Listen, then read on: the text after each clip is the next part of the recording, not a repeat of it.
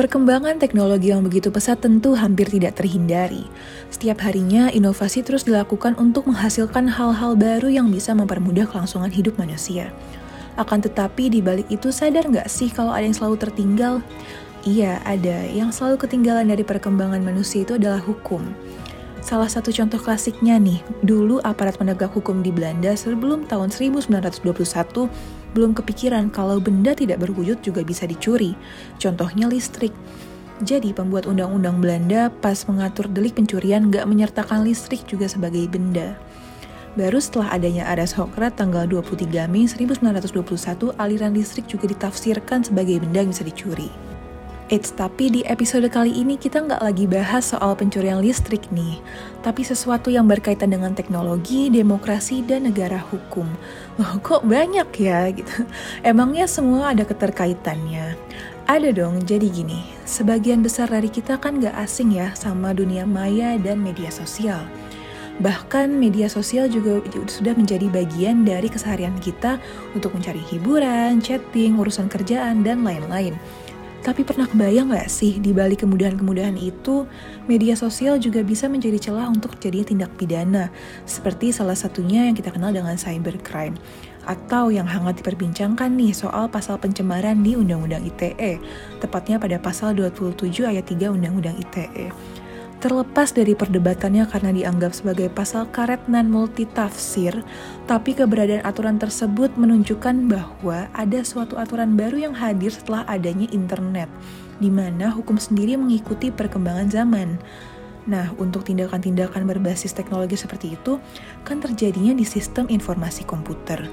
Berarti untuk mencari buktinya juga melibatkan teknologi dong. Tentunya ini merupakan hal baru di dunia hukum untuk memproses suatu kasus dengan menggunakan bukti elektronik. Hal yang baru-baru gini dalam formulasi aturan hingga implementasinya tidak menutup kemungkinan untuk ditemukan kekurangan dan hambatan. Seperti misalnya tentang pasal 43 ayat 3 Undang-Undang ITE yang mengatur bahwa upaya paksa penggeledahan dan penyitaan bukti elektronik mengacu kepada aturan dalam Kitab Undang-Undang Hukum Acara Pidana atau KUHAP.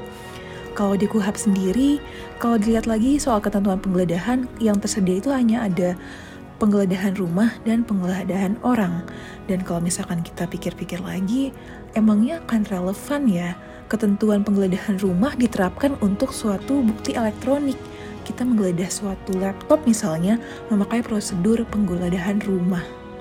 Kemudian, hal-hal lain yang juga menjadi pertanyaan adalah ketentuan pasal 30 Undang-Undang ITE yang mengatur tentang larangan bagi setiap orang untuk secara melawan hukum dan tanpa hak mengakses komputer dan atau sistem elektronik.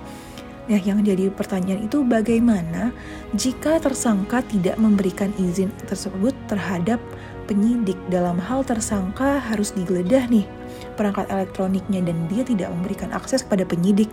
Terus gimana kelanjutannya prosedurnya? Nah, ketidakjelasan perumusan pasal aturan ini juga kemudian bisa menjadi celah untuk pelanggaran hak warga negara. Misalnya, ketika ada indikasi pidana pada tindakan seseorang di media sosial, bisa saja tiba-tiba dilakukan peretasan pada media sosial orang tersebut untuk dalam tanda kutip memperoleh bukti. Hal itu di sisi lain juga melanggar hak atas privasi seseorang karena dilakukan secara tidak sah yang juga dapat berimplikasi pada nilai keabsahan perolehan barang bukti di persidangan. Kalau di skenario kayak gini nih, kan suka bikin bertanya-tanya ya, boleh nggak sih sebenarnya aparat penegak hukum itu ngintip medsos kita? Sekalipun untuk alasan keamanan, penegakan hukum, atau pencarian bukti tindak pidana. Jika ditarik lebih jauh kepada konsep kontrak sosial, salah satunya itu ada pemikiran Thomas Hobbes terkait kewajiban politik yang di dalamnya berbicara tentang implikasi pengalihan kedaulatan kepada kelompok yang berkuasa secara absolut. Dalam konstruksi kontrak sosial ini, masyarakat itu menyerahkan kewenangan kepada negara untuk mengatur, sehingga kemudian lahirlah status negara sebagai duty bearer atau pemegang kewajiban, dan warga negara sebagai rights holder atau pemegang hak. Karena warga negara telah menyerahkan kewenangan kepada negara yang di sisi lain juga menimbulkan kewajiban bagi negara untuk melindungi warga negaranya dan juga warga negara memperoleh hak atas pemenuhan hak asasi. Terus kalau gitu kan tindakan negara dengan alasan keamanan, ketertiban, dan lain-lain juga kembali kepada kebaikan rakyat. Boleh dong negara ngintip medsos seseorang. Nah, tapi kita kan ada di suatu negara hukum nih. Menurut Alfidaisi, ada tiga ciri penting setiap negara hukum. Salah satunya itu adalah supremasi hukum.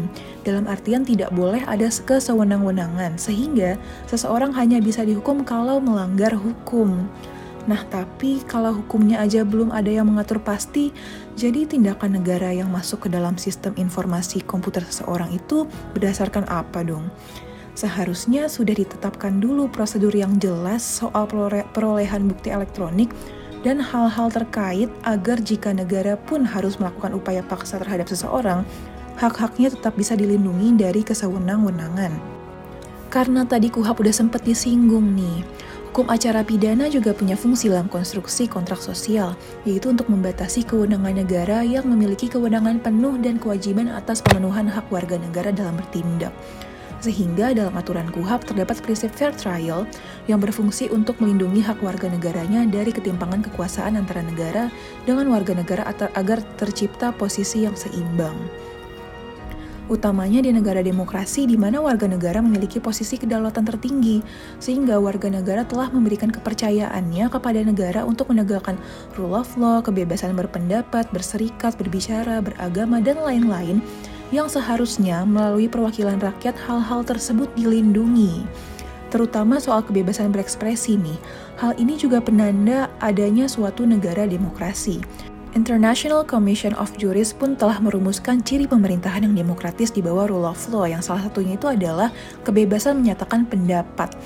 Coba deh, sulit dibayangkan kalau ada sistem demokrasi yang berjalan tanpa adanya kebebasan berpendapat atau, atau berekspresi. Padahal jaminannya sudah tertuang dalam konstitusi dan juga dielaborasi lebih lanjut dalam Undang-Undang HAM, di mana setiap orang bebas memiliki dan menyebarkan pendapat sesuai hati nuraninya. Nah, balik lagi nih ke isu tantangan aturan hukum baru dalam perkembangan zaman. Coba kalau kita bayangin tindakan penyadapan atau intersepsi. Sampai sekarang aturannya masih tersebar di berbagai aturan hukum dan belum ada aturan yang pasti soal prosedurnya, jangka waktunya, dan lain-lain. Terus apa sih resikonya kalau gitu? Nah, dalam penyadapan ini kan ada percakapan lain yang tidak relevan dengan tindak pidana yang dilakukan oleh pelaku. Dan itu juga bagian dari hak atas privasi seseorang. Terus kalau udah ikut disadap, bakal diapain dong informasi itu? Sama halnya dengan peretasan media sosial nih. Rasanya kok agak janggal ya setelah berpendapat di medsos, eh akun medsos diretas negara. Seakan-akan negara hadir untuk mengawasi penyampaian pendapat warga negaranya yang bahkan berujung pada kriminalisasi melalui undang-undang. Udah ekspresi dibatasi, privasi juga diterobos. Katanya demokrasi itu pemerintahan dari rakyat, oleh rakyat, dan untuk rakyat. Tapi ketika rakyat bersuara untuk memperjuangkan perolehan haknya, kok malah dibungkam?